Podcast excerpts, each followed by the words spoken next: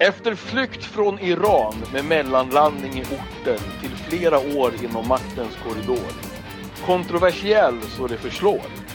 Men även om man hatar eller älskar denna man kan nog få ärligt säga att han annat än mot sig själv och sina ideal varit sann. På Twitter skapar han stormar som både skakar och berör. I debatter han ogenomtänkta argument snabbt förstör. Med logik samt pålästhet som vägvisare och verklighetens bistra ansikte som förklaring. Säger han saker få vill höra, vilket ofta lett till ignorans för hans varning. Efter år att ha försökt påverka och få folk att tänka till är han snart borta från rollen i politiken. Men om jag hört rätt finns planer som nog inte lär lämna den som följt honom besviken. Vi hälsar välkommen till Hanif Bali så här precis innan valet och ser fram emot att märka om vi håller med om eller tycker olika kring vad som i samhället är konstigt och galet. Välkommen Hanif! Tjena! Hej! Vad, vad, vad kul att ha dig här! Vad, vad, vad, vad, vad spännande och intressant att få ta möjlighet att ta del av dig och dina tankar. För det, det ser ju lite annorlunda ut nu eh, kan jag tänka mot för vad du kanske trodde att det skulle göra. Eh, I valet tänker du eller? Ja, jag tänker framtiden. Jaha, nej. nej. Eller? Nej, jag, liksom, jag har väl funderat på om man ska göra något vettigare än att vara riksdagsledamot. Det, det, den riksdagsledamot som inte gör det borde absolut bli utröstad. Det borde, det borde, alla politiker borde tänka på sitt avvecklande konstant. Okej, ja. ja. Intressant. Hur många tror du det är som gör det då? Nej, men det är nog en hel del som gör det med allt för få. Skulle jag ja. säga. Mm. Ja. Jag tänker så här. Eh, jag har ju suttit och botaniserat lite grann här på andra intervjuer som du har haft dialogiskt och eh, hur kan vi och, och, och, flera olika där. Eh, du har ju mm. varit väldigt öppen med liksom hela din livsresa och vem du är och varför och sådär. Men kan du, kan du ta lite snabbt bara liksom vad, vad din, din story? Hur kom du till, till den du är och, och, och, varför gör du det du gör? ja, om du lyssnat på dem där så borde du veta att det, det, det är en svår story att dra lite snabbt. Eh, men eh, eh, helt enkelt den korta versionen att mina föräldrar var i ungdomsåren aktiva i en eh, organisation som var med och gjorde revolution i Iran. Ja. Men eh, de hamnade mm, på kant med eh, regimen, alltså mullorna som tog över. Just det. Och efter att man avrättade min morbror eh, 88 mm. så flydde mina föräldrar till, eh, eh, ut ur Iran in till Irak och där blev de eh, en del av, alltså den här organisationen etablerade en bas där och där försökte man bedriva någon form av gerillakrig mot Iran. Just det. Och eh, det var inte framgångsrikt. De blev praktiskt taget utrotade eh, ganska nära, eh, ja runt 88 där igen faktiskt. Det var, eh, Sverige var ju faktiskt fredsmäklare i det i kriget mellan Iran och Irak. Mm. Det var ju mellan 1980 och 88 då det var krig. Då var det Olof Palme och Jan Eliasson som var eh, de som försökte mäkla fred mellan de här länderna. Och då gjorde ju Saddam och Khomeini då en deal då Saddam sa ah, men alla proxygrupper som hatar dig har jag i mitt land och du har massa proxygrupper som hatar mig i ditt land. Men om du, nu, om du skickar över några av dina till oss och vi skickar över några av våra till er ja. så kan vi decimera dem så kan vi känna förtroende för varandra. Just det. Och det var precis det man gjorde. Så eh, mina föräldrar skickas då in i i Iran och Iran skickar Shia-miliser in i Irak och sen så reducerade, friserade man eh, manskapet helt enkelt. Och efter det så tänkte den här organisationen, shit hur ska vi, vad ska vi göra nu? Eh, nu, kan, nu är vi fast här i Irak och vi, liksom, vi har inte många, vi kommer ju aldrig kunna med det här manskapet med några tusen man kvar, kommer vi aldrig kunna göra någon revolution i Iran. Men, för, eh, förlåt, en, en, en, snabb fråga där. Ja. Var det så att deras ledare övergav dem eller hade de olika åsikter än sina landsledare också? Vilka ledare? Alltså Eh, organisationen? Ja, precis. Alltså, när, de, när, när ledaren i respektive land skickade den Jaha, nej, så här var det att- Ja, Så ja. här var det, så här var det att eh, då, de heter Folkets Mujahedin. Och Folkets Mujahedin då som var mot regimen i Iran, de fick ju stöd av Saddam Hussein. ja, Men de hade ju en egen ledare, han heter Masoud Rajabi. ja. Och han blir ju lurad av Saddam såklart. ja. Att- Så Saddam förrådde dem igen. ja Sad- Saddam förrådde dem och Iran Ja. förrådde shiiterna. Eh, och så friserade man eh, varandras antal. Eh, men man fortsatte sen ge stöd till dem efteråt också. Okej. Man, man förnekade att det här var någon form av plan. Ah, det här är inte den offentliga förklaringen. Det här är Nej. om vad du vet har hänt helt enkelt. Ja, exakt. Ah, ja, och, sen, och sen när man kommer tillbaka då mellan 88 och 91 Ja, så är man ganska vilsna egentligen i vad man ska göra. ja, Eh, och de märker att folk hoppar av. Det går, och eh, eh, du vet den här, det finns ju den här jävla sägningen, det här, eh, det kinesiska ordet för kris och, eh, och, eh, möjlighet är samma sak. just det, just det. Ja, det har jag också. Ja. Ja, ja. Men, och det är lite så man jobbar. Så 91 börjar ju Irakkriget. ja. Och då ehm, så eh, tar organisationen tillfället i akt. Vi bodde ju, barnen alltså till alla de här soldaterna, bodde ju på anläggningen. ja.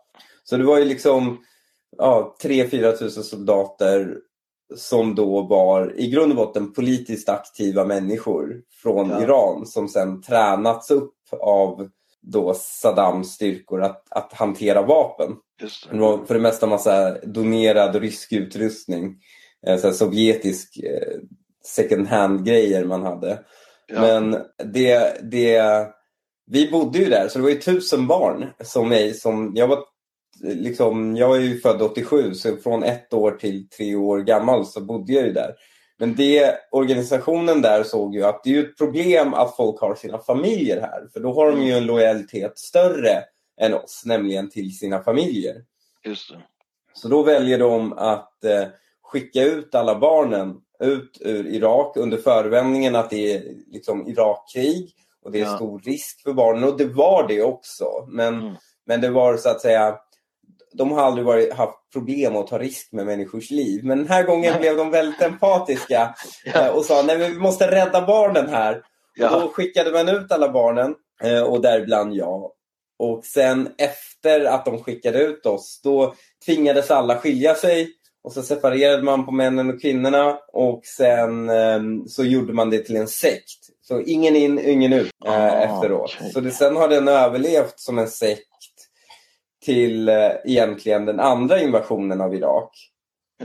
Eh, då jänkarna gick in igen och eh, den här gången så ville Irak tog, tog ju nya irakier över och det var ju Shia-majoritet som tog över som är lojal mot Iran.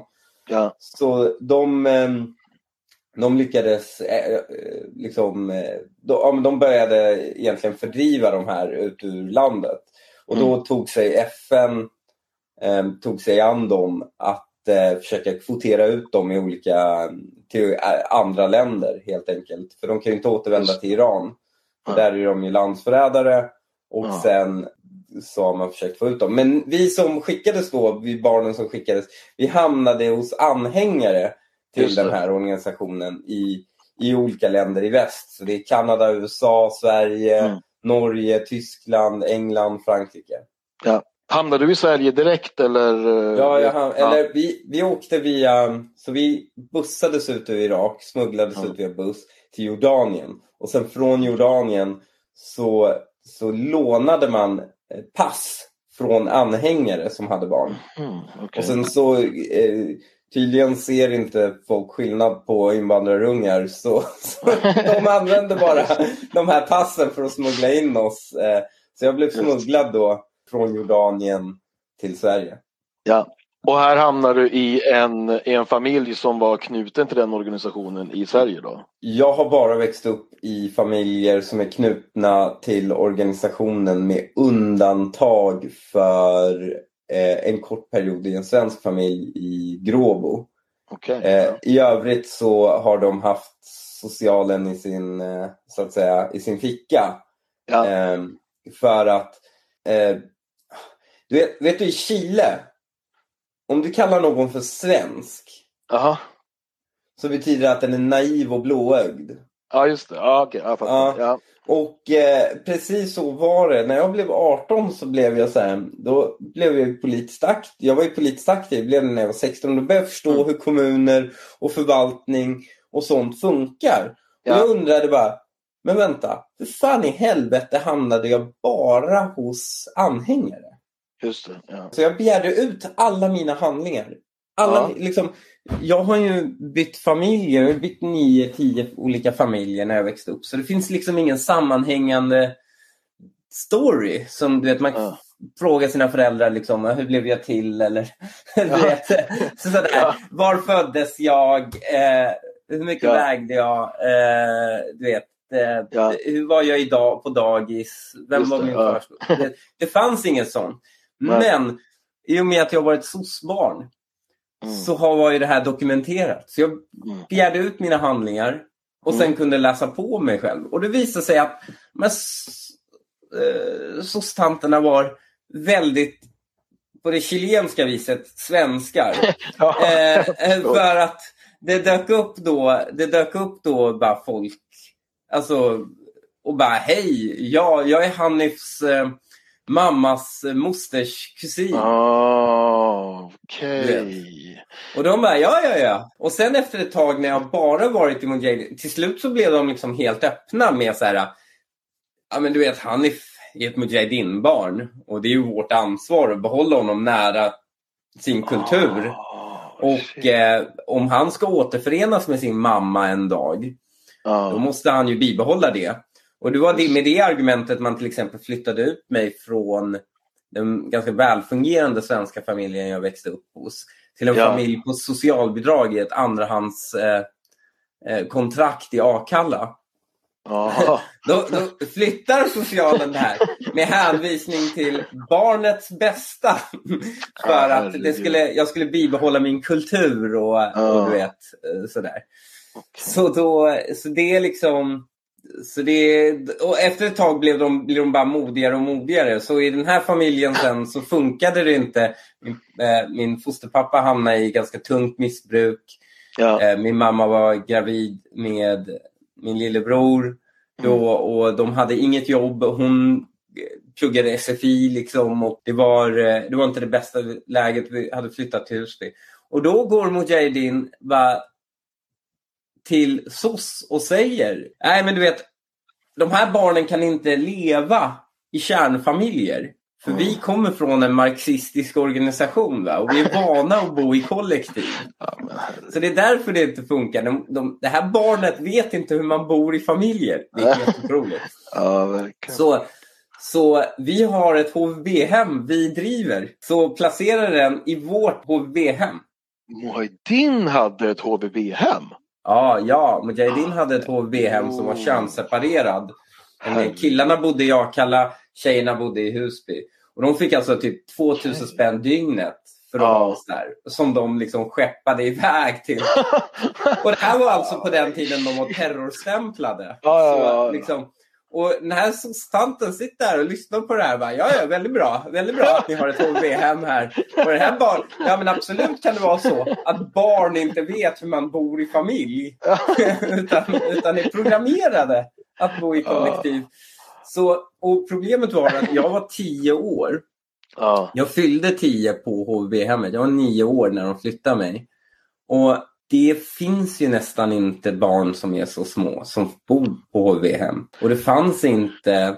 Alltså de, det HVB-hemmet Mujahedin drev, det var ju för liksom 15-16-åringar Mm. som inte hade funkat i de familjer de hade blivit placerade i och liksom fick bo i kollektiv. Ja. Men hur som helst så hamnade jag på det här HB-hemmet. Men de tänker så här, ja, men det är ganska grov stämning bland ett HB-hem med 16-åriga grabbar. Att sen Mm. lägga en 9-årig kille Ja. där. Ja. Så då placerar de mig hos tjejerna. Så då tänkte de det är trevligare. Okej. Så, så jag fick eh, bo med tjejerna. Oj. Och, och det var ju såklart kul. Eh, man fick Ja. liksom eh, sådär. Och killarna på det andra HB-hemmet, de, de blev lite så oroliga för mig. Så de började så umgås med mig för, för de tyckte att jag blev väldigt feminin. Så, så det var ju väldigt gulligt. Alltså det var ju väldigt gulliga grabbar. Så tänkte jag, var, jag fyllde tio år så Ja. fick jag från en annan kille som också heter Hanif faktiskt, som bodde i Rönholm. Jag fick ett, eh, en lilla elektriken-kit. Ja. Eh, och det här, eh, den här lilla elektrikerkitten, den måste väl kostat 400 spänn. Liksom. Och jag Ja. bara tänker då, det här var 1997. Ja. Det är jävligt mycket pengar för en 15-åring för att sätta, ge till en, ja. En nioårig kille som han knappt känner. Du vet. Ja, ja. Alltså de var skitgulliga. De, jag hade aldrig varit på bio. Ja. Eh, så mm, de tog tid ur sin helg liksom, och, och sen tog en av de här med, med sig till mig och så fick jag titta på Space Jam. Och det var alltså, det är väldigt fina ögonblick jag kommer ihåg där. Ja. Ehm, och, och jag bodde där något år.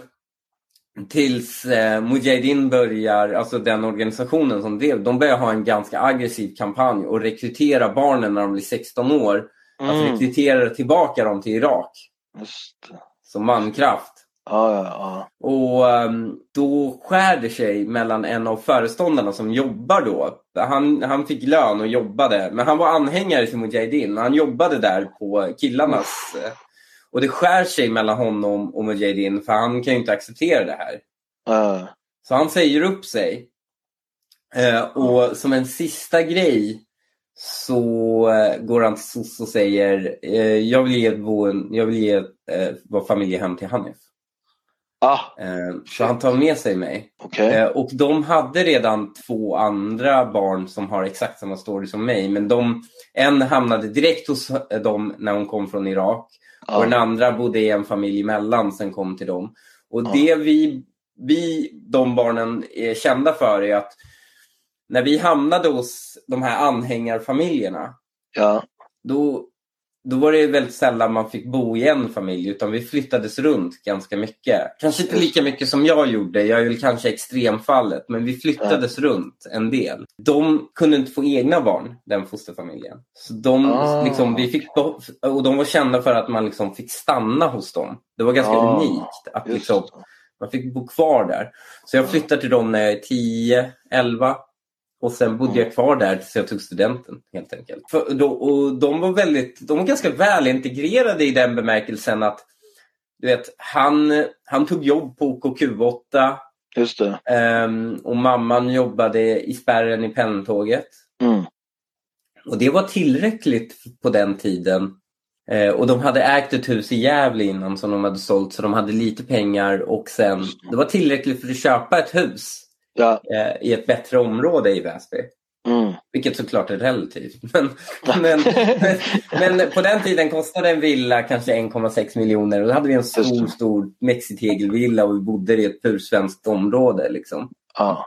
Och så det var liksom min uppväxt till, till studenten i alla fall. Så jag har bott väldigt mycket bland... eh, Så jag har bott i Husby, gick började skolan i Husby. Sen Ja. gick jag i väldigt så här, blue collar, svenskt område. Och sen i gymnasiet så hamnade jag i, du vet, där alla bara samlas. Du vet. Det blir invandrargängen, Ja. eh, de, nazistgängen från Rumby, svennemedelklassen från Bollstanäs och så, så fick vi liksom, så jag fick en ganska, under den tiden blev jag också politiskt aktiv. Ja, eh, en, en snabb fråga däremellan bara. Mm. Det, här, det, här, det här är ju superintressant och det, det jag kan reagera på när jag, när jag hör nu och de, de, när jag liksom tittat på de här andra och så, det är ju så här, jävlar vilken resa du har varit med om och anledningen till frågan, jag kan känna att väldigt många som har åsikter, oavsett om de är politiska eller inte, även om allt Mm. kokar ner till politik, väldigt sällan har genomtänkta argument. Man, man, det bottnar väldigt sällan i, i liksom att man kan förklara eh, varför man känner och tänker så. Utan, ja, men Det Mm. känns så här, ja, det, här Mm. det har alltid varit så. Det här är dag, moderater vill bara hjälpa rika. och så- Alla sådana grejer. Nej, men för jag tänker att någonstans så, så alltså, det känns som att folk som har varit med om saker Ja. i livet tenderar till att ha funderat lite mer på hur man egentligen skulle vilja ha det. Än, än folk som har vuxit upp med en silversked. Liksom. Så är det ju definitivt. Jag, jag har ju väldigt, så att säga, för mig är det ju så att säga väldigt tydligt vad jag vill ha. Jag har ju varit, Ja, jag har ju varit väldigt trygghetssökande. okej. Vilket kanske inte framstår som det. Kanske en ganska stor diskrepans där med tanke på hur du, vill, hur du framställer dig, men, men, men jag köper det. Nej, men jag är otroligt trygghetssökande och vi, Ja. vi satt faktiskt, jag och min fru då och pratade om det här igår då Mm. jag ska ju sluta i riksdagen. Ja, Och jag ville ju bara gå och ta en 9 to 5 jobb. ja, Du vet, tryggt. ja, Och hon sa, nej men är du dum i huvudet? Du har ju byggt upp en plattform, du har Ja. liksom ett var... Du kan göra mycket mer än bara gå och göra 9 till 5. Eh, utan, utan det ska du absolut inte göra. Utan du ska hålla din tid fri och så ska du lägga den på andra mer skalbara lukrativa projekt. Ja, Och, och jag vågar ju inte det. Men nu är hon min fru så hon bestämmer allt. Så hon har ju bestämt det här. Och Ja. sen så, så, så, så pratar vi just om det, hur hon bara liksom är redo att betta hela tiden. Hon är Ja. väldigt risktagande och lägger liksom, går all in hela tiden. just det. Medan jag är mycket, mycket mer trygghetssökande och inte alls vill gå all in. Jag vill alltid ha en säkerhetsmarginal, vill alltid Liksom, när jag säljer aktier säljer jag alltid hälften av dem. Du vet, Okej, ja. Och så vill jag köpa aktier så köper jag enbart hälften av så mycket jag borde köpa. Eh, det, det, så jag har alltid en liksom, safety net. Ja, För jag har liksom... Och det här är samma grejen. Alltså, när jag fick min första, mina första löner mm. så såg jag alltid till att mina fasta avgifter aldrig var högre än existensminimum. Alltså mina fasta, mina fasta utgifter fick aldrig Ja. vara högre än existensminimum. Ja men det där är ju så otroligt intressant. För jag menar hur många är det som tänker så? Eh, Mm. och, och då tänker jag någonstans att på grund utav det du har varit med om. Du har ju upplevt hur det är att inte ha något. Mm. Kan det inte vara det som gör grunden i att du alltid tänker lite extra så okej vad ska jag göra för att absolut aldrig hamna där igen? Mm. Och sen ri- riskar resten utav hälften. Liksom.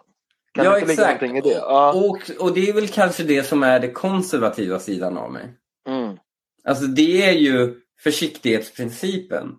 Att man inte ska, och det handlar ju också om politiken, nämligen Ja, det kanske är dumt att experimentera i det största migrationsexperimentet exempelvis som finns i modern tid i ett eh, industrialiserat land. Ja, sådana grejer, det har ju varit orsaken till varför jag, eh, jag, jag tyckte att man ska visa en viss försiktighet för att det kan Ja. slå ut jävligt oväntat. Alltså Ja. så att säga, så att man till den nivån att du som statsminister i tv behöver sitta och säga och säga jag såg det inte komma. ja, Eh, och, och, eh, och det är det som, och det är det jag tänker också nu till exempel i mitt, till exempel nu när jag väljer, eh, när jag väljer var jag vill bo exempelvis och Mm. var mina barn ska växa upp. Det är såklart, Ja. alla vill att sina barn växer upp väldigt tryggt och så. Och, Mm. Men jag har liksom verkligen gått in och riskminimerat enormt. ja, För nu vet jag att jag bor i ett område där mitt barn har noll risk att inte lära sig klockren svenska. just det. Alltså, jag bor i ett område där det är liksom noll risk att den skulle rekryteras in i liksom gängbaserad kriminalitet. Just det. Ja. Eh, och alla de här, det vill ju såklart de, föräldrar blir ju väldigt riskminimerande med sina barn. Och jag vet ju att jag är ett dampbarn. Liksom. är det så? Ja, har, har, du, ja. har du fått en diagnos? Nej, nej. Nej. Men eh, det, det finns så att säga ingen som har träffat mig och inte kan ställa den ganska lätt. Men jag har ju med åldern gått från att vara hyperaktiv till att bara ha lite koncentrationssvårigheter. Um, ha, har du det? För, det? för det är faktiskt en av mina frågor här. Jag känner ju att du känns jävligt påläst. Mm. Eh, är det så att du bara råpluggar in dig inför varje debatt eller har du liksom en, eh, Nej, jag har fusk. bra läshuvud? Nej, vad sa du? Nej, jag, det är bara fusk. Jag har halvfotografiskt minne. Så ja, det är så? Jag, jag, jag behöver cool. bara läsa något en gång. Och jag pallar inte läsa någonting två gånger. så, det, så det är liksom eh, lite av ett irritationsmoment i familjen för, eh, hos mina svärföräldrar och sånt. Vi kör ju väldigt, vi, vi spelar väldigt mycket frågesport. Ja, ja, ja. Och jag slår ju alla. Alltså, och det är till den nivån att det handlar inte om att jag är mer påläst. För, eh, min eh, fru är enormt Harry Potter-fan. Ja. Så jag köpte henne en Harry Potter Trivial Pursuit. Ja, ja. Aha, okay. Tusen Harry Potter-frågor. okay. Och jag har aldrig läst böckerna ens. Men jag klår äh. henne i Harry Potter-TP. För att jag kommer ihåg filmen. Ja, alltså jag, jag med att jag fått, så det är väl lite det. Att, um, jag har lite biologisk fusk. Ja, fattar. Uh, och det är väl det som gjort så att jag klarat mig någorlunda bra. Ja men det är precis för att det så som jag sa där i början i introduktionsdikten. Det, det känns som, som med, med eh, att, att, du verkligen eh, använder logik men du är heller inte rädd för att eh, berätta hur du ser att det ser ut. Du lindar inte in det i saker. Eh, och eh, det, det, många gillar ju det men det är enormt många som inte gillar det också.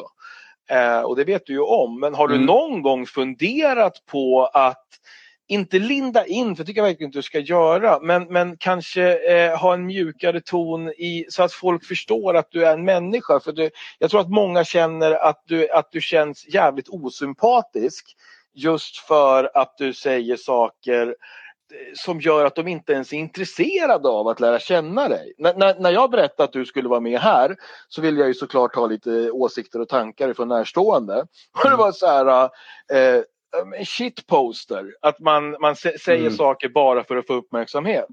Mm. Och, och jag kan känna av det jag har sett utav det att nej, snarare så att du säger saker som du ser och det är så jävla obekvämt så att det skapar uppmärksamhet. Men då kommer man ju mm. till hönan och ägget. Ja, nej men. Det, är du med på vad jag tänker? Jag har ett, ja. har ett självdestruktiv benägenhet att, att inte vara strategisk mm. utan vara ganska ofiltrerad. Ja, och det har ju legat mig till last, vill jag ju säga, eh, bara rent karriärsmässigt. um, väldigt mycket. Men det har gjort mig desto mer populärare hos många andra. Jag behöver inte gå hem i alla stugor. Nej. Men jag går hem i många stugor. Ja. Och inom politiken borde man tänka att så här, ja men okej, eh, då har vi de stugorna som Hanif går hem hos. Så kan vi ha andra som går hem i andra stugor. Ja. Så, borde, men så funkar det inte. Nej. Eh, utan eh, den som hellre att man inte går hem i någon stuga men ja. att man inte hatar i, i, i, i någon stuga heller. Förstår ja. du? Absolut. För, för, i svensk kultur så tycker man att eh, man är väldigt rädd för att vara ogillad. Ja. Och det skapar stort obehag hos, ja. eh, hos många svenskar att No, åh, såg du den var arg på Hanif eller den sa sådär och den kallade mig rasist och, och ja. då, då kanske jag ska sluta prata överhuvudtaget. Jag vill ju inte att folk, någon idiot tror det. Liksom. Eh, och, och det har ju lett till att eh, det är väl ja. kanske det. Jag är lite osvensk på det sättet. Och det är väl kanske också det som, om man tittar på vilka som har drivit invandringsfrågan eh, i Sverige, så har det antingen varit svenskar man har redan stött ut, så de har ingen fallhöjd överhuvudtaget. Mm. Och då tänker jag på Sverigedemokraterna. Ja. De har ju varit så pass mycket paria att de har kunnat driva den frågan utan att vara rädda för att förlora så att säga sin social standing, för det har de redan gjort. Ja, ja. Och den andra gruppen som har drivit migrationsfrågorna väldigt hårt innan så att säga det öppnades upp och man kan prata om det. Det är ju ja. folk med invandrarbakgrund som Mauricio Rojas, jag, eh, Amina Kakabaveh till och med med hederskultur, Tino Sanandaji, alltså alla de här som har drivit de jobbiga frågorna om kultur, om invandringens mängd, om hedersrelaterat våld, alla de här sakerna. Ja. Har ju många haft invandrarbakgrund och då tänker många att ah, men det är förmodligen för att de är invandrare så de slipper bli kallade för rasister. ja. Och jag kan lova dig att det inte stämmer. Eh, jag blir kallad rasist oftare än Mm. någonting annat. Ja, ja. Eh, så, utan jag tror det är bara att man inte är lika rädd för att bli kallad för det, för man vet att det inte Just är sant. Och det är inte så himla viktigt för Mm. oss att följa den här konsensusströmmen. Lite osvenskt av oss. Och, och det där är jättebra att du, att du, att du går in på det för då, då kommer vi lite grann till liksom, eh, eh, idén med, med, med det här mötet. Eh, fulsäljepolitiken. Mm. Kommer du ihåg, såg du någon gång Eddie Murphy, Warning Washington, eh, Dis- Distinguished Gentleman 92? Mm. Nej, jag har inte sett den. Har du inte sett den? Men se den, fantastisk. Eddie Murphy i sitt esse. Jag älskar ju Eddie Murphy. Alltså jag vill bara säga att eh, jag, jag, jag har en helt halvt kapitel om honom i min biografi. För sant? att han formade väldigt mycket av den humorn Ah. som jag liksom... eh, Han var så brutal. Det var, alltså, det. När jag såg Raw och Delirious för första Ja. gången så Ja. blev jag chockad över brutaliteten. Jag bara, kan Ja. man, är det så här roligt att vara brutal? Ja, ja, ja. Och, Eh. och det, det formade mig faktiskt väldigt mycket. Vet du vem som formade mig? Vem? Spindelmannen.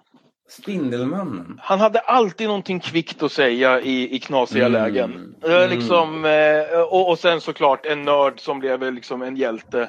Jag var, Ja, ju, jag, ja. jag, jag var ju den här coola nörden. Jag, jag festade med eh, eh, skogsgrabbarna samtidigt som jag hjälpte dem att ragga brudar på nätet och sen tog jag med nördarna på fest. Så jag var ju precis Mm. i mitten där. Ja, jo, eh, Eddie Murphy, eh, eh, Varning Washington. Han spelar alltså en karaktär som är en riktig så här fifflare. Hustler som bara lurar allt och alla. Och så bestämmer han sig för att han ska eh, eh, ställa upp i valet för han har samma efternamn som den politikern i, i, i den eh, eh, staden som han var i eh, hade nyss har dött. så, så de kör liksom rösta på han igen. Och så blir det han. Och det är så intressant för att det, det påminner så otroligt mycket om, om liksom det som hände, tänker jag, utan att på något sätt vara liksom påläst eller insatt. Men sett utifrån hur det gick till i USA med, med Trump. Mm. Menar, han är ju liksom, han är ett jävla eh, alltså pajas egentligen på TV. Visst, han har gjort några bra grejer men han, egentligen är han inte så jävla lyckad entreprenör. Han har haft en Mm. enorm eh, eh, fördel utav sin eh, härkomst och hela den biten. Han är ju en bullshitter utan dess like och en jävligt duktig sådan för han har ju lyckats. Men han har ju lämnat katastrof bakom sig om man går in och liksom skärskådar vad, vad, vad- har folk som har jobbat med honom råkat ut för egentligen? Och, men han har ju den här, eh, i amerikanernas ögon så är det ju The Apprentice och den stora duktiga affärsmannen och allting. Och så går han ut och så vågar han säga det som folk säger vid middagsbordet. Mm. Inte det här fluffet och lullullet. Och jag, jag vet inte, jag, jag, jag, antar att han har gjort någonting som, som, är bra men överlag så i min värld så är han ett stort jävla skämt som har kostat enormt mycket på många ställen. Men han har ändå öppnat upp för, för en, alltså jag skulle säga både intressant och läskig kultur. För Mm. hur, hur, hur man liksom vinner framgång i politiken. Ja men eh, jag, tror, jag tror en stor orsak var att eh, han må ha, folk har ty- må tyckt att han var lite smågalen, eller smågalen, smågalen, men folk visste att han var galen. Förstår Ja. du? Ja, Att det är hans galenskap. ja, Lägg det mot när han körde mot till exempel Hillary. ja, Så då var det ju, då var det ju, Hillary sa ju ingenting som inte hade kollats i fokusgrupper, hade körts igenom Ja. liksom eh, PR-strateger, Ja. godkänts, kollats, kollats igenom en gång till och sen levererats exakt så man, har- som de hade enat sig. Medan den framstod äkta ja. från Trumps sida. Och Ja. folk söker genuinitet nu för tiden. Precis, det är exakt dit jag vill komma. Och förlåt, förlåt bröt jag av? Nej, nej, nej. Ja, Det, det är bara min teori till varför han Ja. spöade Hillary. Ja. Nej, men jag håller med och, och, och det där tycker jag eh, när man tittar på, nu ska vi se, var det Island? Där Mm. eh, en tidigare komiker blev, blev Mm. statsminister. Mm. Eh, och hans vallöften det var liksom badrockar till alla. och sådana grejer för att alla skulle få bada pool. Jag har att Eh, han gjorde ganska bra ifrån sig. Ja, han gjorde väl jättebra ifrån sig. Jag för mig det jag Mm. också. Men, men Och Alltså, Zelensky, komiker. vem var det? Eh, Ukrainas president. Ja, ja just det, Det precis. komiker. Ja, komiker, statsminister och numera krigshövding. Ja. Det, men det är alltså, Ja, nej, kolla vad bra han har ja. skött sig. Ja, ja, ja, verkligen. Det, det, Ja. mm, det finns något i det där. Ja, men det gör det ju. Det, jag, jag, jag, lyssnar ju på dig hos eh, Aron Flam också. Va, va, Mm. va, vad heter hans podd nu igen? Eh, dekonstruktiv kon- kritik. Ja, precis. Det är konstruktiv kritik. Ja, eh, älskar den. Eh, och eh, eh, alltså, jag, har, ju- jag körde ju stand-up 2009. Mm. Eh, och det jag upptäckte efter ett år det var att fan det här tar mer tid än vad jag tror. Jag fokuserar Mm. på entreprenörsbiten istället. Men nu har jag insett att vetskapen och förståelsen kring hur humor funkar ger mig Mm. en enorm fördel i, i förhandlingar och när jag skapar relationer och sådana saker.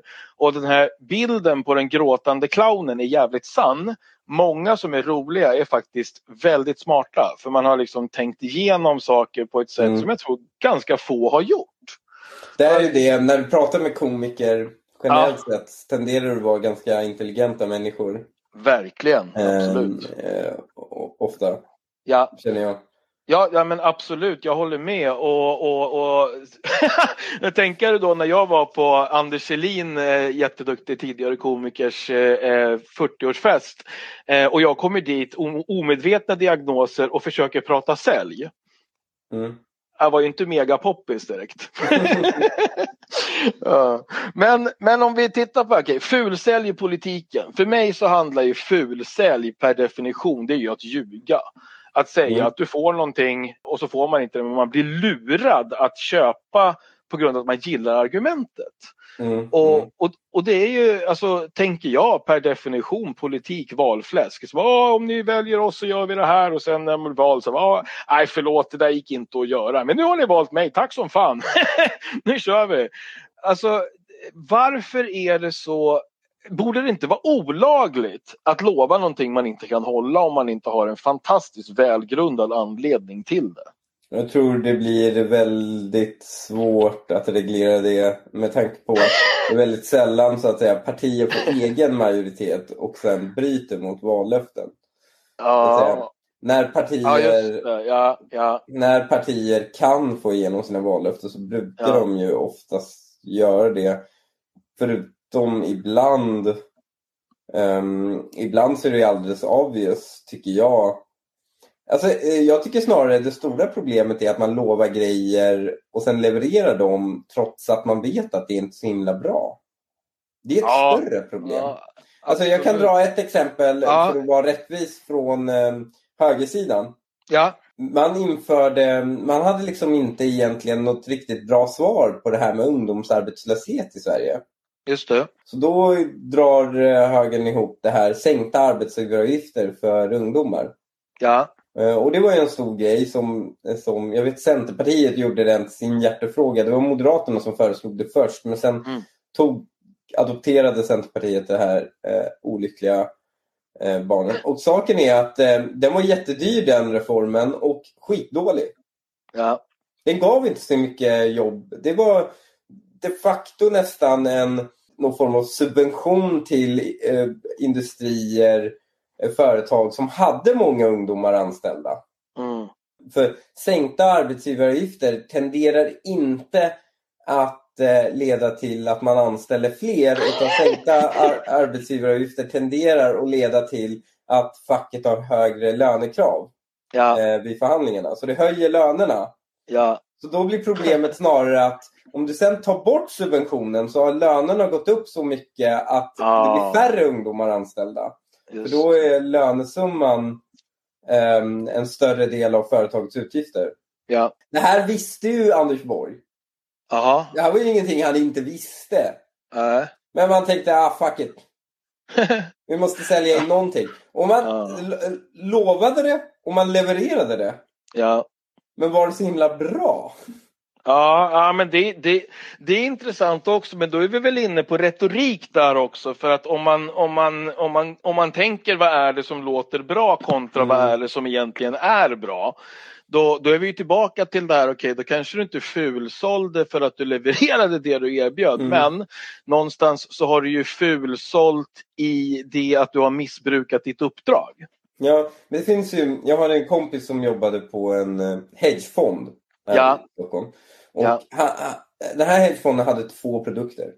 Ja, En var ehm, långsiktigt väldigt bra för kunden mm. och en var kortsiktigt väldigt bra för bolaget. okej, ja.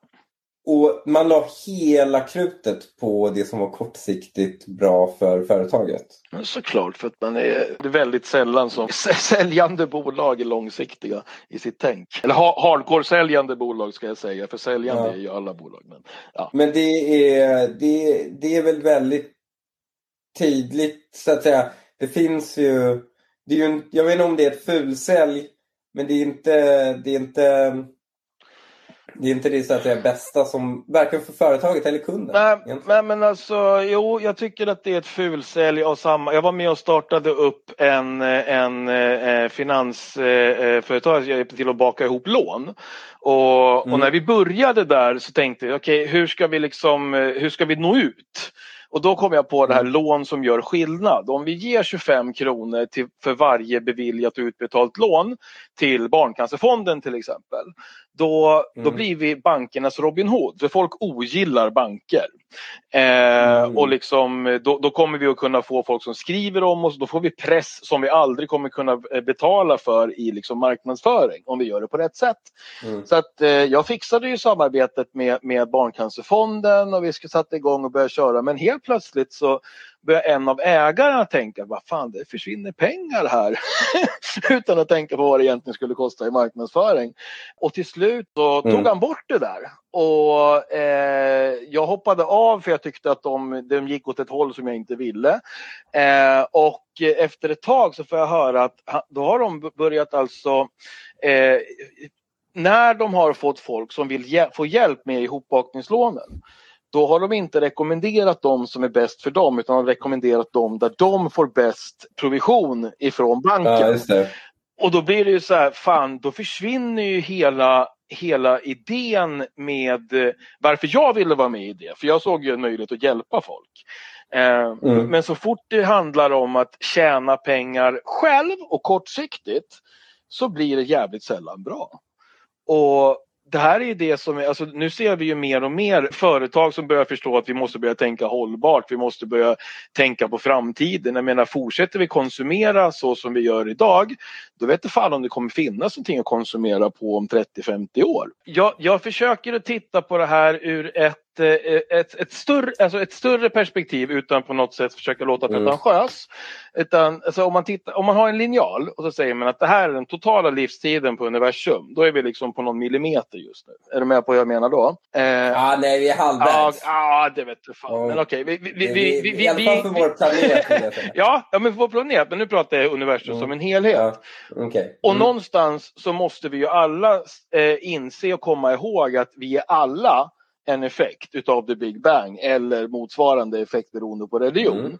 Det innebär att vi alla är en del av en helhet. Så alla är ju 0,000 procent utav någonting som utgör en helhet. Och om man förstår det och tänker att egentligen, vad är, vad, vad är våran uppgift? Men vår uppgift är ju att se till att vi finns kvar så länge som möjligt, att det går så bra som möjligt för dem där framåt. Mm. Idag kan jag känna att det finns ett mer fokus på mig, mitt släktnamn, att jag ska liksom föra ett arv vidare, att man tar beslut eh, som, som är baserat på vad som gynnar mig nu kontra vad som faktiskt gynnar mänskligheten framåt. Och jag tror att det är Mhm. den inställningen som behöver förändras för att det ska bli hållbart eh, på riktigt. Är du med på hur jag tänker då? Ja, man kan ju tycka att det är onödigt att Bill Gates har massa miljarder eller den har. Men jag vågar påstå att, att vi har ett samhällssystem som möjliggjort för Bill Gates att ha överdrivet mycket resurser. har det varit bättre för samhället?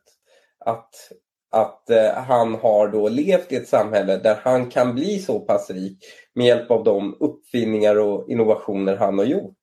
Eller för den delen Bill Gates barn. Ja. Nu kommer de Okej. inte ärva någonting. Nej, precis. så det är tråkigt för dem. Men det kan jag hålla med om att, eh, att samhället har ju skapat förutsättningarna för, för det här och tack vare att han har gett oss det här så har ju vi kommit ännu längre och som en effekt av det så har Mm. han blivit rik. Absolut. Mm. Men någonstans så tänker jag att eh, alltså, det, det största motargumentet jag har hört det är så här att människan behöver eh, kämpa mot någonting för att vilja leva. Om vi inte skulle ha någonting att kämpa för så skulle vi lika gärna lägga oss ner och dö. Vi behöver en utmaning för att liksom utvecklas. Mm. Och då kan jag tänka så här att, ja okej, men säg att det stämmer då. Lek med den här tanken. Tänk om hela mänskligheten, och återigen det är en utopi, det är jätteflummigt, förlåt Hanif. men eh, le, lek med idén att, att hela mänskligheten skulle kämpa tillsammans för att bli bättre idag än vad vi var igår. Mm. Och det, det, det jag vill komma fram till någonstans, det, och det här är, som, det här är på en så grund... Men det gör vi ju. Nej! Men vi gör det av egoistiska skäl. Ja, men alla, alla bör inse att vi är egoister så länge man också förstår att vi är en del av allt. Så att om allting jag gör gör det bättre för andra så blir det per automatik bättre för mig i slutändan. Men jag kan känna att det finns alldeles för få som håller med om det utan det är mer fokus på, eh, och det är därför fulcell finns. Det, det finns ett uttryck för det här. Ja. Och det här är varför eh, de västerländska samhällen är så himla mycket mer framgångsrika än alla andra civilisationer. Ja. Eh, och det kallas för eh, ömsesidig egoism. Ja, Och ömsesidig egoism är, en, är, en, är ett psykologiskt drag ja, som är extremt överrepresenterat i väst. Och jag kan dra bra, en bra parallell. Mm. Ta Ukraina. ja, Så vi lärde ukrainarna, vi lärde ganska få ukrainare hur man eh, använder våra pansarskott. ja, Det står liksom, de kan inte läsa instruktionerna för det står på svenska på ja, Så, så eh, vi lärde några ukrainare hur man använder pansarskott. ja, De här ukrainarna lärde sina polare Ja. och sina bundsförvanter hur man använder de här pansarskotten. Ja. Och det har lett till en oerhört stor framgång Ja. för Ukraina. USA, när de tog över då försökte eh, bygga upp den irakiska armén så lärde man då några hur man reparerar en M1 Abrams tank exempelvis. Eh, eller en Humvee. ja, Så lärde man den. Men vad den gjorde var att den bara lärde sin son och sin kusin. just. Då ökar ju deras Ja, värde. För då är, ja, ja. all, då är det tusentals Humvees som behöver repareras och det är bara de som kan göra Ja. det. Och det är att vara, bara vara egoist Ja. då. Det är ju inte ömsesidig egoism. Det är Exakt. inte att man kan tänka ett steg längre när man säger så här. Men det är bättre för mig långsiktigt Mm. om vi kan försvara vårt land från IS Mhm. Än att mitt värde och mitt klans eller min släkts värde är högt. Ja, precis. Ja. Det var en lång förklaring. Ja, härlig förklaring på varför det är så.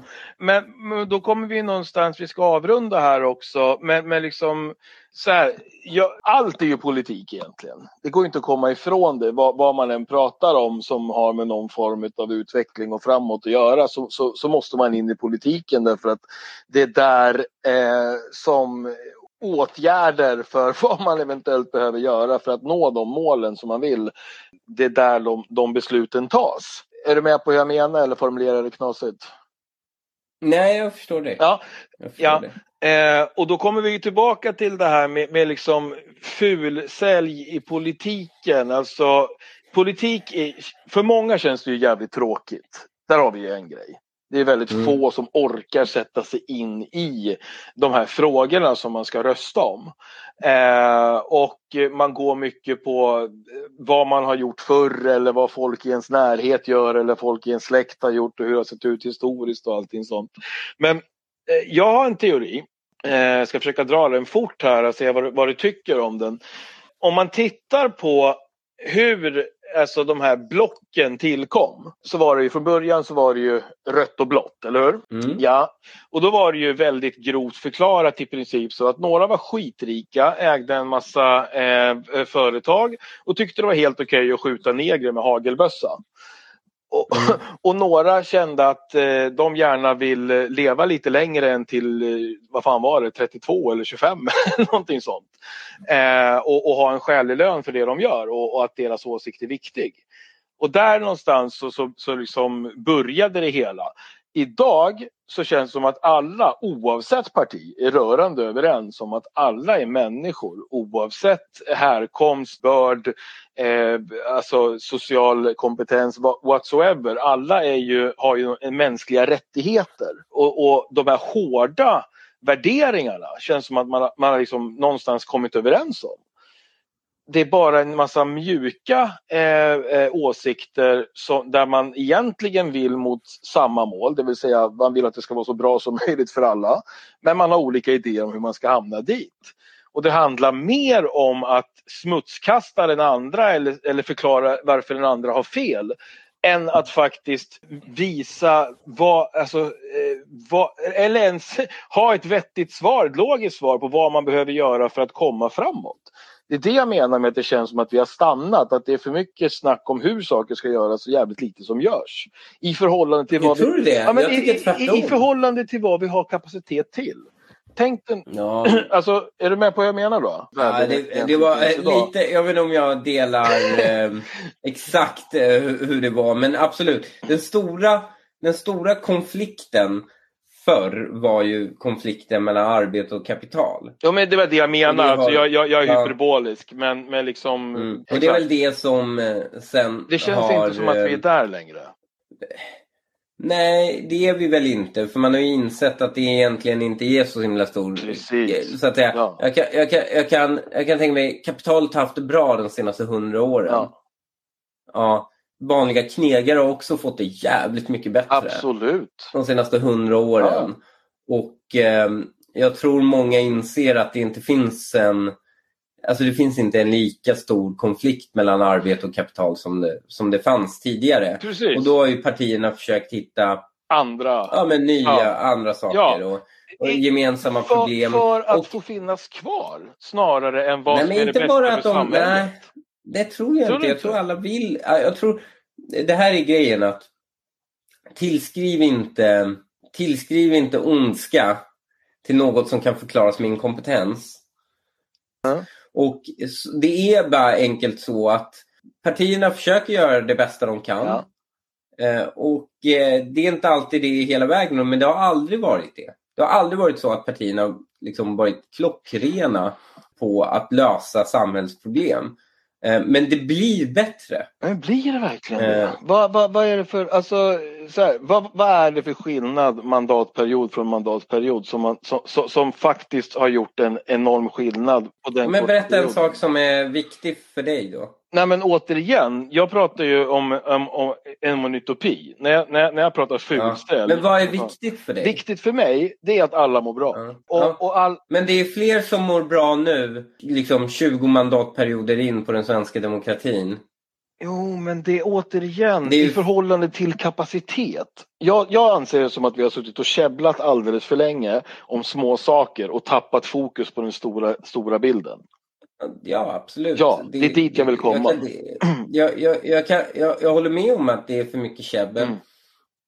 Men käbblet grundar ju sig i att vi är osams. Ja, men, Vi är ju osams. men vad är vi egentligen osams om? Vore det inte enormt intressant att ha en, Mm. en filosofisk debatt utan pajkastning med respektive partiledare och se är man egentligen osams om någonting ur ett grundfilosofiskt perspektiv? Eller är man... Nej, jag tror man är så pass cyniska att även om saker man är sams om, Ja, om man inte har ett bra svar på Ja. det så smutskastar man den andra Precis. personen för att det inte ska, för att eh, bara undvika frågan. precis. Det är som, vet du vad? Ja. Ta till exempel, vi kan ta ett färskt exempel nu. Kör. Magdalena Andersson och eh, Anders Ygeman har gått ut och sagt att de vill ha, det får max finnas eh, 50% som är utomnordisk bakgrund i ett bostadsområde. Ja, Det har de nu gått ut och sagt. Ja. Och sen så går den ut och säger att Nej, men de vill ju också ha svenskar som eh, eh, Alltså folk som bor i förorterna, de vill också ha svenskar som grannar. ja, Det, det är ju inte bara vi som tycker att det borde vara så, de vill ju också ha det. ja. Och Jag föreställer mig om typ Moderaterna hade sagt det här för två år sedan. Ett så hade man ju typ inte ens kommit så långt i diskussionen. Man hade bara, vadå, är inte de som bor i förorten svenskar? Ja. Jag hade ju typ stannat Ja, där ja, på ordmärkeri. Ja, precis. Ja. Men därutöver, folk hade bara, åh gud vad obehagligt, nu börjar deportationerna, nu ska de deportera Mm. invandrare. Ja. Fastän alla vet att det är jävligt dåligt att koncentrera invandrare på en och samma plats. Ja. Så hade man ju istället bara smutskastat varandra. Ja. Det är som, och, och det är, det är ju sånt vidrigt fulspel som inte löser några Precis. problem, som är oärligt, Precis. som inte gör någons liv Ja. bättre. Exakt. Och det är bara... Och man ser alla göra det. Ja, men vad kan man göra för att komma ifrån det? Kan man göra någonting? Har du, någon, har du något, något, förslag där? Det är bara, vet du vad? Mhm. Den enda anledningen det funkar är för att det säljer. Ja. Så ignorera det. Ja. Bara ignorera det. ja. Ta inte... När någon säger så här, det där är... Och sen ett epitet. Ja. Ja, Köp inte det. Nej, problemet är ju att det är det som... Alltså när högern säger det där är kommunism, Ja. lyssna inte på dem. Ja. Eh, när vänstern säger att det där är rasism, Mm. lyssna inte på dem. Problemet är ju att Mm. våran mellanhand, media, eh, Mm. skit, Ja, skit, de vet ju att det klickar. Ja, exakt. Att det, De är- det, och där är vi inne i det här med konsumtionssamhället. Alltså, vi har ett alldeles för egoistiskt kortsiktigt tänk, vilket Nej, gör... men det där är ju ett fulsälj. Ja, ja. Det är ju vad det Ja, det är Det är, ju, alltså, det är att sälja. Ja. Alltså vad media gör är alltså att fulsälja. Ja. De vet att det där är ish inte sant. Men det säljer tidningen. Exakt. Och de ger en produkt som kunden egentligen inte ens vill ha. Vilket gör att Eh. politiker upptäcker att åh fan, är det så jag får uppmärksamhet? Och så blir det mer av den kakan. Tvärtom, Eller? vet du Aha. vad? Politiker upptäcker jag vill inte ha den formen av negativ uppmärksamhet. Jag håller käften. Vilket är ännu värre. Okej, ja, okej. Ja, jag tror vi säger samma saker men du förklarar det bättre. Mm. Just det. De ja, blir ja, rädda, de ja, tar inte mm. tag i de riktiga stora frågorna. Utan bara är oroliga för att det ser bra ut. Att det känns bra, att ingen råkar ta illa upp. Att istället för att göra de riktigt tuffa grejerna som förmodligen vissa kommer bli arga över eller media kommer kunna spinna men man måste göra det. Istället så försätter man sig i skiten. Och det är klart som fan alla kan veta, alla vet ju att för 10 år sedan, 15 år sedan, då borde vi ha dragit in i en hård broms på invandringen. Alla vet det. S erkänner det, alla erkänner det. Ja. Alla, och, alla vet detta nu. Ja. Men om någon hade gjort det för 15 år sedan, om någon hade sagt det för 15 år sedan, Ja. då hade det blivit de där jobbiga grejerna i tidningen. som Ja, exakt. De enda som, och de enda som vågade göra det, Mm. det var ett ganska obehagligt gäng. Ja. Jag tror de flesta tycker att det är inte så helt hundra, Ja. det gänget. Och nu är de på väg att bli Sveriges andra största parti. Ja, det är helt vansinnigt. Det, det visar ju på hur den, hur den rädslan, den fegheten, hur enormt... Förutom att vi har ett läge där våra barn blir kissade i munnen när de blir rånade. Liksom, Ja, och ja. vi har barn som skjuts i, på lekplatser. Ja. Vi har femåringar som skjuts på... Förutom det så har vi också bara på ett politiskt plan Mm. har vi alltså skap, bäddat den här situationen. Det här är ett parti som de, jag tror de flesta för 15 år sedan in, alla de som nu ska rösta på SD hade för 15 år sedan aldrig kunnat tänka sig att göra Ja, det. ja, absolut. Jag håller med. Och det är ju bara en ren konsekvens Av att de inte politiska vågade ta, ta ställning i Mm. någon fråga, absolut. Och det, och det visste ju folk, det sa vi ju allihopa när vi såg det växa. Men ändå Mm. gjorde folk inget åt det förrän lite grann nu på sistone. Eh, Mm. Men det där är jävligt intressant för att det, det är faktiskt en av frågorna jag har. Jag har ju varit med och hjälpt Redo och framtidshoppet här och koppla ihop ensamkommande med arbetsgivare. Så att de slipper Mm. deporteras till ett land i krig. För det håller vi alla med om. Det är helt horribelt det som har hänt de här stackars barnen. Det är inte deras fel. Utan du var väl en av dem som gick ut och sa att vi, vi, vi måste tänka till innan vi, innan vi gör det här. Mm. Vad, och, och, och då var det väl just det här som vi pratade om alldeles nyss, rädslan för att uppfattas som rasist eller uh, hamna i liksom dålig dager. Som gjorde att mm. man, man, var mer intresserad av hur man uppfattades än vad konsekvensen ja. faktiskt blir av sitt handlande. Ja, alltså jag kan dra ett exempel. Mm. Det blev ju det, sådana här migrationsvågor och metoder för att migrera, det sprids ju i nätverk. Ja. Och till exempel, det är inte en slump att apatiska flyktingbarn mm det finns bara från forna Sovjetländer. Okay.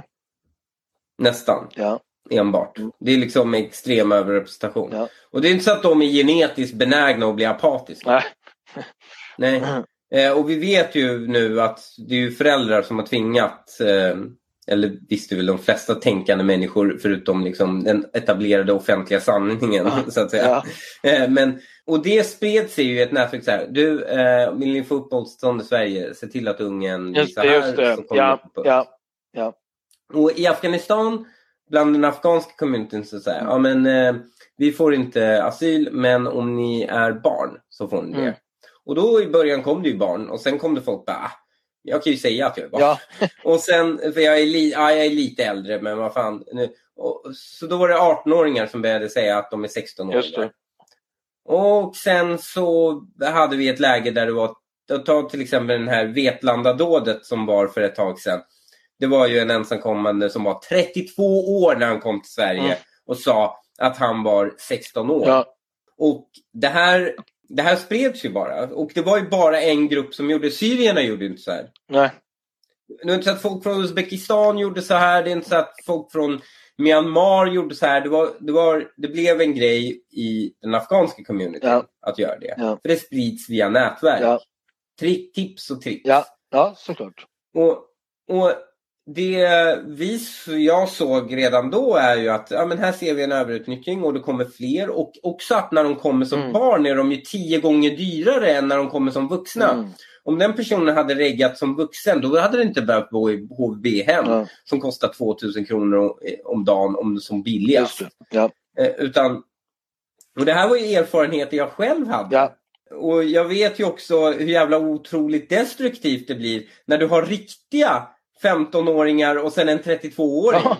När det är åldersskillnad mellan de som bor där. Ja. Och när personalen inte är där, då, då blir det ju djungelns lag. Liksom. Det blir flugornas herre där inne. Ja. Och det är ju såklart också oerhört destruktivt.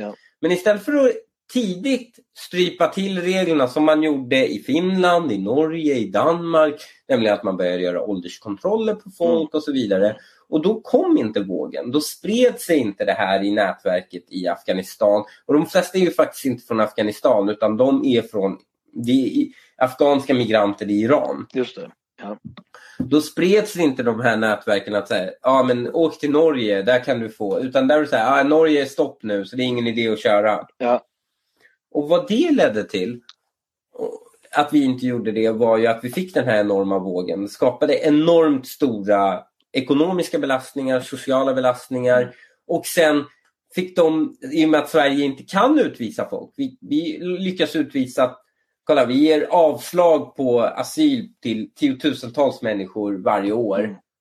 Men vi har max en utvisningskapacitet på 2000 personer om året. Okay. Och det leder ju till att folk kommer fastna här som papperslösa. Ja. Så då får du en situation där du antingen, du kan inte utvisa dem till Iran för de var illegala migranter i Iran eller de hade uppehållstillstånd bara i Iran, de har inte medborgarskap. Ja. Du kan inte utvisa dem till Iran, så du måste utvisa dem till Afghanistan. Ja. Vilket gör så att de, de är uppvuxna i Iran som är mycket så att säga högre välstånd än i Afghanistan. Mm. De här vill ju inte återvända till Afghanistan. Ännu mindre vill någon återvända från Sverige. Nej, precis. Därutöver så drar man inte plåstret snabbt. Om någon kommer hit i två dagar här och sen skickas tillbaka. Ja. Då är det inte en stor loss förutom ekonomiskt såklart i pengarna man lagt på smugglare. Ja. Men om den kommer hit och bor här i tio år ja. och sen skickas tillbaka. Då är det ju ett mycket större lidande. För samtliga parter. Och det är det, det är det som har hänt nu. Det är ju, vad var det, 5700 ungdomar totalt. Sista batchen på, tror det var 2000 som gick ut nu i juni. De har sex månader på sig att hitta jobb. Eh, och lyckas de inte så blir de deporterade till ett land i krig. Och med sex månader, det, det, det är kort tid även för en svensk född. Eh, och, och hitta jobb om man inte är specialutbildad eller har rätt nätverk och kontakter och sådana grejer. Mm. Ja, men, men vi vågade inte vara tuffa och hårda i början. Mm. Och då får vi betala priset i att vi skulle lajva goda och sen får både vi och dem betala priset för det nu. Ja. Men vad, För att vi vågar inte dra av plåstret. hade du någon ensamkommande som, som eh, fick bo hos dig? Eh, nej, nej, det hade jag inte. Min mamma hade fyra stycken. Okej, ja, Eh, och ehm, eh, jag var fadder till en. just det, så var. Okej, Eh, när de, jag, men jag, du anar ju inte, ja, det här är sjukt under krisen Ja. 2015 Ja. så stod jag i riksdagen och bara stäng gränsen. Ja, Och sen på kvällarna jobbade jag på ett transitboende, eller jag var volontär då på ett transitboende för flyktingar.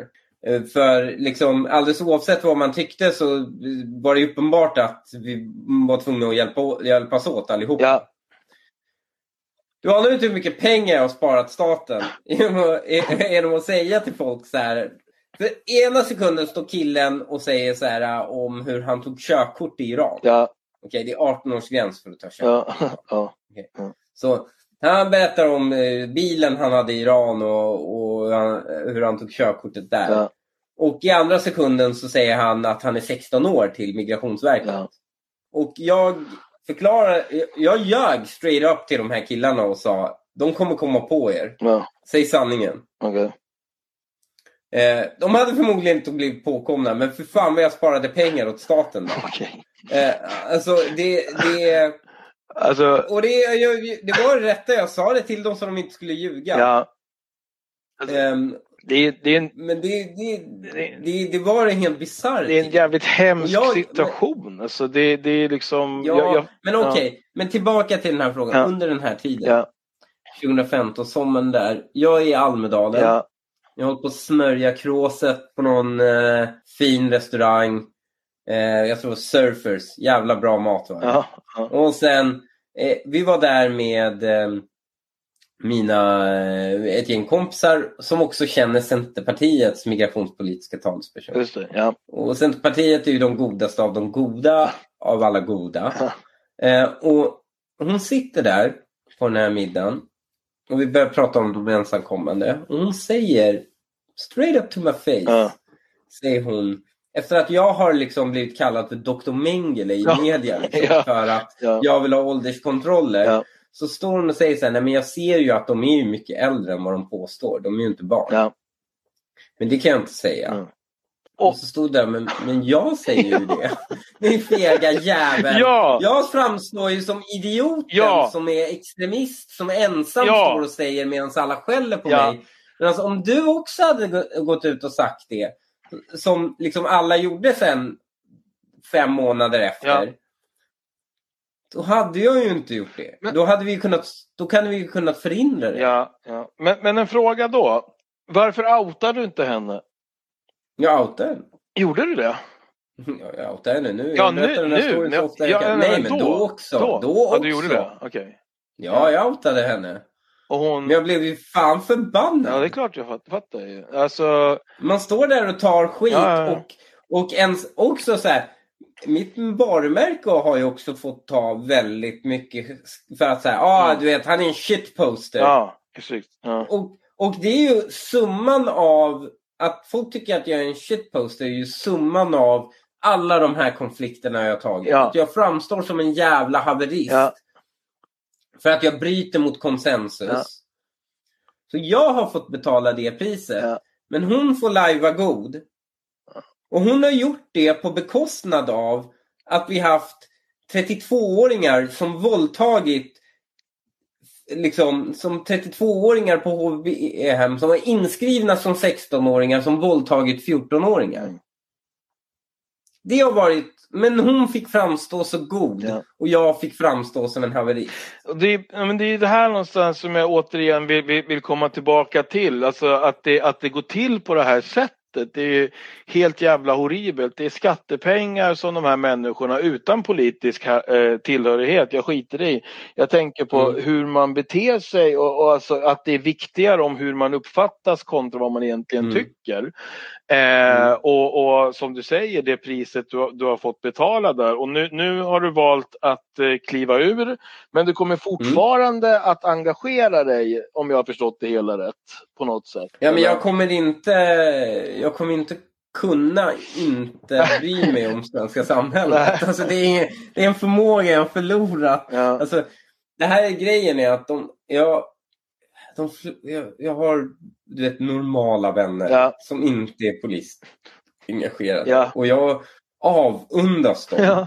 Att de kan gå de kan se något och bara, ah, det här är lite förjävligt. Och sen inte bli politiska över det. Mm, förstår mm, du? Att bara leva sina liv. Och, alltså, förstår du? De, de läser om ett brott och så säger de, det här var hemskt. Ja. Och sen Men jag blir ju så här, ah, vilka politiska åtgärder måste man göra för att åtgärda det här och vem står i vägen för det och varför var det så? Det här är ju ja. uppskottsförslag, förstår du? ja. Jag blir, och, och det är jobbigt mm. att leva så. Mm. Det är jobbigt att, och, jag vet inte vad jag ska kalla det, på politisk vaken. Ja. och jag önskar jag kunde liksom Åtgärdsbenägen. ja, men stoppa tillbaka anden i flaskan. Ja. Och bara kunna leva mitt liv utan Alltså, men det går inte. Mm. Så jag kommer ju fortsatt engagera mig, fortsatt opinionsbilda och fortsatt vara den här obekväma jäveln som folk tycker är en shitposter ja. uppenbarligen för att jag säger saker bara några må liksom, för att jag säger saker eh, eh, eh, liksom några år innan alla andra kommer säga ja, det. Precis. Ja, och tyvärr tyvärr så, så, så, så, är det ju så det funkar. Någon måste ju gå först och ta smällarna för att mjuka upp inför någon som kommer eh, efteråt. Men jag tycker att vi har blivit fler. Ja. Förut kändes det väldigt ensamt, men nu det känns som att någonting är i luften. Ja men faktiskt, och det tycker jag gäller hela samhället. Där man tittar liksom på fulsäljeriet som jag kämpar emot så har det ju blivit mycket svårare eh, för dem nu när folk helt plötsligt börjat upptäcka att åh fan, det är en massa andra som ogillar det här jag råkat ut för också. Och man, man har liksom mm. börjat inse att relationen och långsiktigheten och eh, ärligheten och intentionen är faktiskt det som spelar roll. Vill jag göra en affär med den här, vill jag ha en relation med den här personen? För att om det är väldigt sällan du har någonting som jag inte kan skaffa någon annanstans. Mm. Då är det ju relationen som spelar roll. Och, mm. och det, jag tänker... Tillit. Vad sa du? Tillit. Tillit, ja absolut. Men du har eget företag också? Va? Ja. ja. Och IT-tekniker eller programmerare? Eller? Jag är programmerare i grunden. Just det, ja. Um, och och sen ehm, driver jag också en podcast. Ja, just. Som man får lyssna på om man lyssnar på den här också. God ton heter God den. ton, precis. Och då har jag en shoutout här från en vän, Mikael Önman. Han har sponsrat er från start. Han eh, hade en av de första shoutoutsen angående kärnkraft och eh, mm. han hade en god tontröja på Haninge Moderaterna. Eh, jag vet inte om, om, om, du kommer ihåg honom, men han hälsar i alla fall. Och eh, om det är så att du sitter och funderar just nu på vad du ska göra framöver så får du gärna komma mm. förbi och bli en del av deras plan och göra Sverige till en av de största exportörerna av saffran. Oj! Det lät coolt. Eller hur? Han har tagit... det är fan, som iranier är det My Home Turf. Ja, han har en iransk fru. För Iran är väl den största exportören av saffran? Ja, jag tror det. Precis. Han har tagit fram robotar mm. som, eh, som gör det här och håller på och bygger liksom inomhusanordningar. Så att, eh, låter det spännande, koppla gärna ihop er. Han är ett fan. Ja, men gärna. ja, härligt. Ja, eh, så här wow, vad, vad, vad, vad mycket tid du har gett oss. Men, eh, men det blir ju någonstans så, vi är ju överens om att det, det är för mycket fokus på hur man uppfattas kontra vad som utförs. Och, och det är det någonstans som, som är grunden till fulsäljen i liksom politiken. Att det, ja. ja. Det är, en, det är slicka säljare helt enkelt. Ja.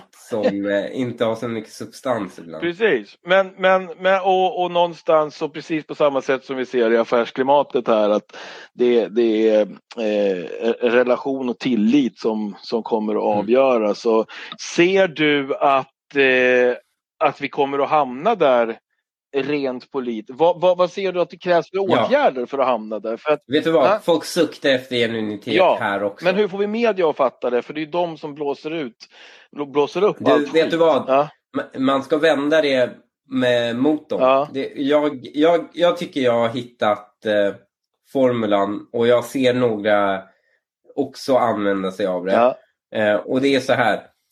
När media skriver skit om ja, eh, och när media skriver ner dig. ja, Om du står fast vid din sak ja, trots att du får skit Ja. och inte backar. Då kommer folk uppfatta att nej men då menar han det på riktigt. Ja, Det ingenting folk avskyr mer Mm. än någon som säger någonting och sen kommer media och sen bara oj, oj förlåt, eh, nej men nu tycker jag inte så längre. Nej, man, man, man, kan man kan be om ursäkt för att det uppfattas på ett specifikt sätt men, sam, men samtidigt stå för Man det. kan be om ursäkt, man, kan, man ska be om ursäkt när man gör fel. Ja, precis. Men man ska inte be om ursäkt när du vet att du har rätt. Exakt så. Då ska du inte backa. Precis. Om du verkligen tror på det Ja. så ska du inte be om ursäkt bara för att media tar en konflikt Nej, mot dig. Precis. Att, att de bildsätter dig fel. exakt. Utan då står du på din sak och sen säger du det. Står du på det och säger så här, ni, ni fultolkar mig Ja. och jag tänker inte köpa den Nej. beskrivningen. Och det är ju, och, och, och, och, men det är ju på två sätt det där också för att Trump gjorde ju det i min värld på fel sätt. Att, Eh, Det var lite för mycket. det var li, lite för mycket, precis. Men, men, men det är väl en, en, en, eh, en, en väldigt stor, eh, och vad heter det, eh, generationsskillnad där också.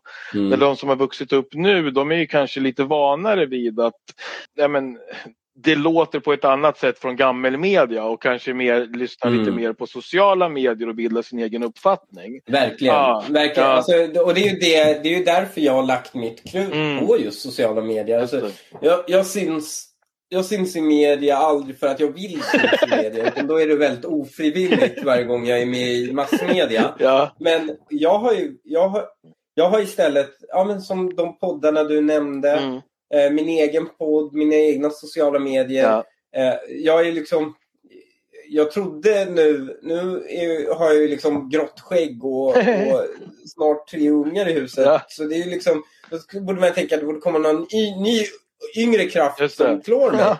Men jag är fortfarande, har varit det de senaste tio åren nu, Ja. den absolut största på sociala medier. Och det är för att jag har upptäckt att det enda sättet du kan vinna människors förtroende genom att långsiktigt direkt kanal med dem just bygga ja, förtroende hos precis. dem. Ja. Och, Så de kan, och, och, och, och det tror jag är det absolut, alltså att du bygger relationer direkt utan filter, Ja. utan mellanhänder. Det leder till att de uppfattar dig som äkta. Ja. Och de gånger media då jagar mig, Mm. Då står det hundratusentals människor Mm. som har läst inlägget, hela Ja. inlägget. Och de 20 inläggen innan Ja. där jag har beskrivit hur jag ser på Ja. det. Och sen läser de Aftonbladet Ja. och sen bara, det här är ju en helt felaktig Ja. representation av hans åsikter. Och det leder inte till att de får minskat förtroende för mig. Nej. Det leder till att de får minskat förtroende för de som gör det Ja. där fulsättet. Ja. Och det där är, det där är eh, superintressant för om man tittar på hur hela liksom, gammelmedia funkar. Jag har jobbat med mediasälj i 14 år. Och alltså de höll ju på att dö här när sociala medier kom. Och sen helt plötsligt så istället för att göra riktiga reportage så började de rapportera om vad som händer i sociala medier. Och, och det här med re- reklam, eh, att få, jag, jag tror att folk kommer snart, snart och börja förstå det också att vi vill inte bli avbrutna av någonting som vi inte har bett om. Utan vi vill kommunicera med varumärken och känna oss delaktiga i det och liksom Mm. det, det är inte bara en sändare utan det är en sändare och en mottagare som man pratar om sociala Mm. medier. Även i reklam, all marknadsföring. Vi vill vara mer delaktiga. Och, och med det sagt, eh, jag har ju nästa gäst här i Valspecial, ehm, eh, Ulf Bejerstrand, heter han från Knapptryckarna. Mm. Han gillar dig. Ja. Vad tycker du om deras eh, idé? Va- det- Vad var det? Det var... eh, Fan, jag, tror jag läste någonting om dem. De har någon idé om att man ska...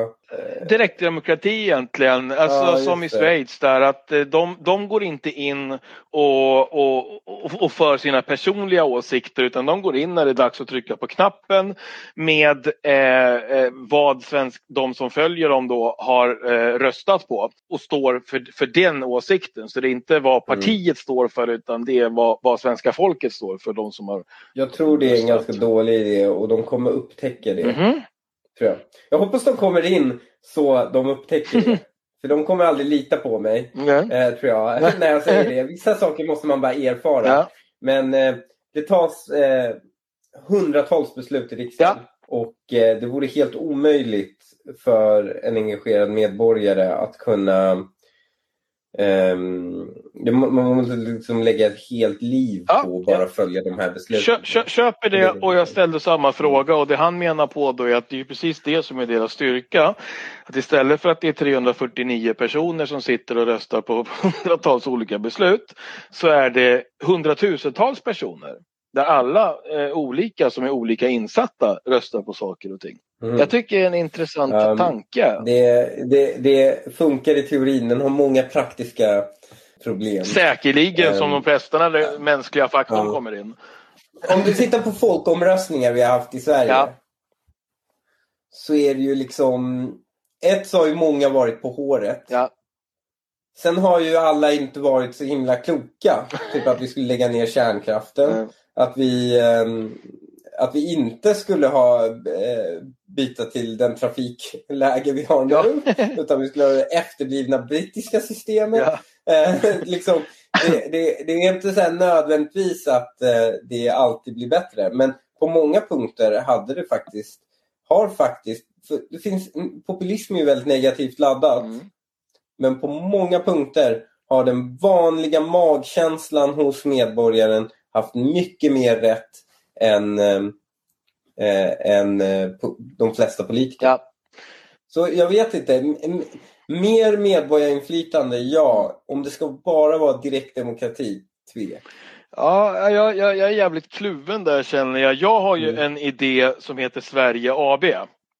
Mm. Det är att, Vi bolagiserar skiten. ja faktiskt. det aktiebolagsstämma bara Ja, men- på fjärde år. Nej, men man tittar på hur ett företag drivs. Och så tar vi då, okej vi tar den bästa ledaren som VD, vi tar den bästa ekonomen som ekonomijurist och så sätter man proffs på varje position på det sättet.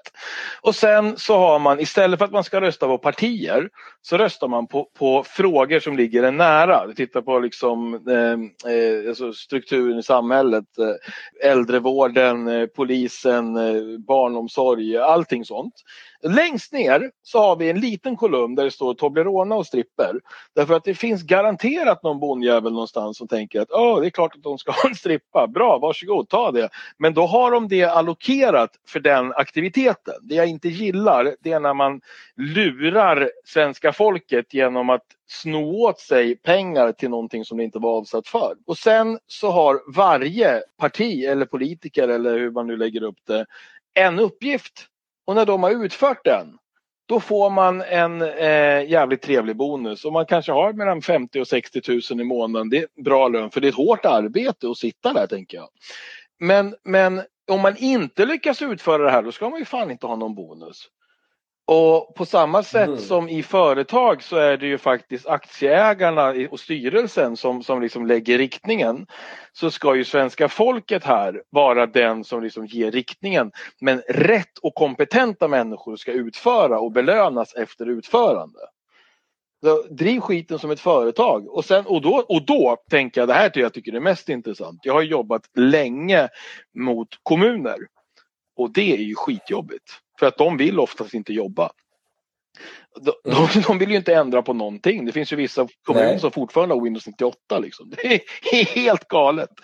Tänk, tänk dig då att titta ur ett ledarperspektiv på sin verksamhet och bara hmm, den här avdelningen känns lite märklig. Vad är det som händer där? What? Vad är det här för en märkliga investeringar som de har gjort? Det här måste vi strypa. Se till att effektivisera, ta in open source-projekt istället för slutna datorprogram som kostar miljoner att utveckla nya tjänster för. Eh, Antar jag att du är insatt i som, som programmerare också. Mm. Det, det, det, alltså så här, jag satt på Hem och skola i, i sex år. Vi byggde, lyssna på det här, 2014 var vi klara med ett system som skapade en digitaliseringsmöjlighet för hela skolan. Vi hade one-to-many, vi hade one-to-one, vi hade möjligheten till eh, digital, digitalt klassrum med, med griffeltavla och allting sånt, inspelningsmöjlighet så att den som inte tycker att eh, den här läraren i Pajala är speciellt bra kan lyssna på någon som de blir inspirerade utav i Skåne till exempel. Jag har byggt hela det här systemet och så ringer vi runt till kommuner och berättar bara grattis, vi har byggt det här, varsågod, det är gratis. För att vi hade företag som, som finansierade vår, vår verksamhet. Vet du vad de säger? Vadå? Ja men det här går på offentlig upphandling. Jag bara, ja men gud vad bra, då kommer vi vinna, det är gratis. Hör du inte vad jag säger? Vi är inte intresserade. Klick! Och det här är alltså eh, IT-ansvariga på kommuner vars jobb bör vara att hitta den optimala lösningen för IT. Hade de haft det här när Corona kom, då hade de varit bra mycket mer förberedda, till exempel. Så att det, det, det sitter så många, det, det, är så märkligt uppbyggt hela det här systemet och jag tror att det, det behövs något radikalt för, för att alltså, komma framåt. Förstår du vart jag vill komma? Mm. Håller du med? Jag förstår. Det är fint. Håll... Det, jag tycker, jag tycker det, det, det finns en poäng i det. Men eh, jag, eh, jag är inte så mycket en, av en så här, revolutionär. Det. det krävs revolutionära ja, drag för att göra det här. Jag är slow change. Ja. Försiktigt, rätt håll. Ja. Och det, det, det förklarar du ju varför i början där. Så att, eh, ja. nej men det, det blir väl en, en bra egentligen eh, avrundning här. Vi har fått höra om, mm. om din uppväxt och vi har fått ta del av hur du tänker. Och Intressant tycker jag att det har varit ändå på ett eh, inom citationstecken icke-politiskt plan. Det är ju som mm. mer varit du, även om du är väldigt politiskt inriktad men du förstår hur jag menar. Det har inte varit pajkastning yeah. om politiska åsikter. Ja, men eh, spännande och jättestort tack för att du, för att du var med Hanif. Eh, tack så mycket. Önska en mycket trevlig fortsatt dag här och eh, till er andra som lyssnat en fortsatt trevlig dag, kväll, helg eller när det nu är. Tack!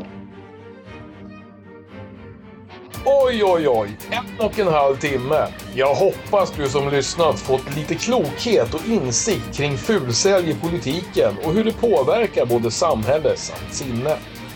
Extra intressant att höra om Hanifs resa till att bli den åsiktshavare vi alla känner och förstå att det ligger mer bakom än en simpel strategi att säga sånt som beklämmer. Nästa valspecial blir Ulf Bejestrand från Knapptryckarna kan direktdemokrati vara vägen att gå? Lyssna på nästa avsnitt så gör vi vårt bästa för att den frågan svarar på. Som vanligt så önskar jag en härlig fortsatt vecka och hoppas att vi åtminstone lite svar kring dagens ämne lyckats täcka.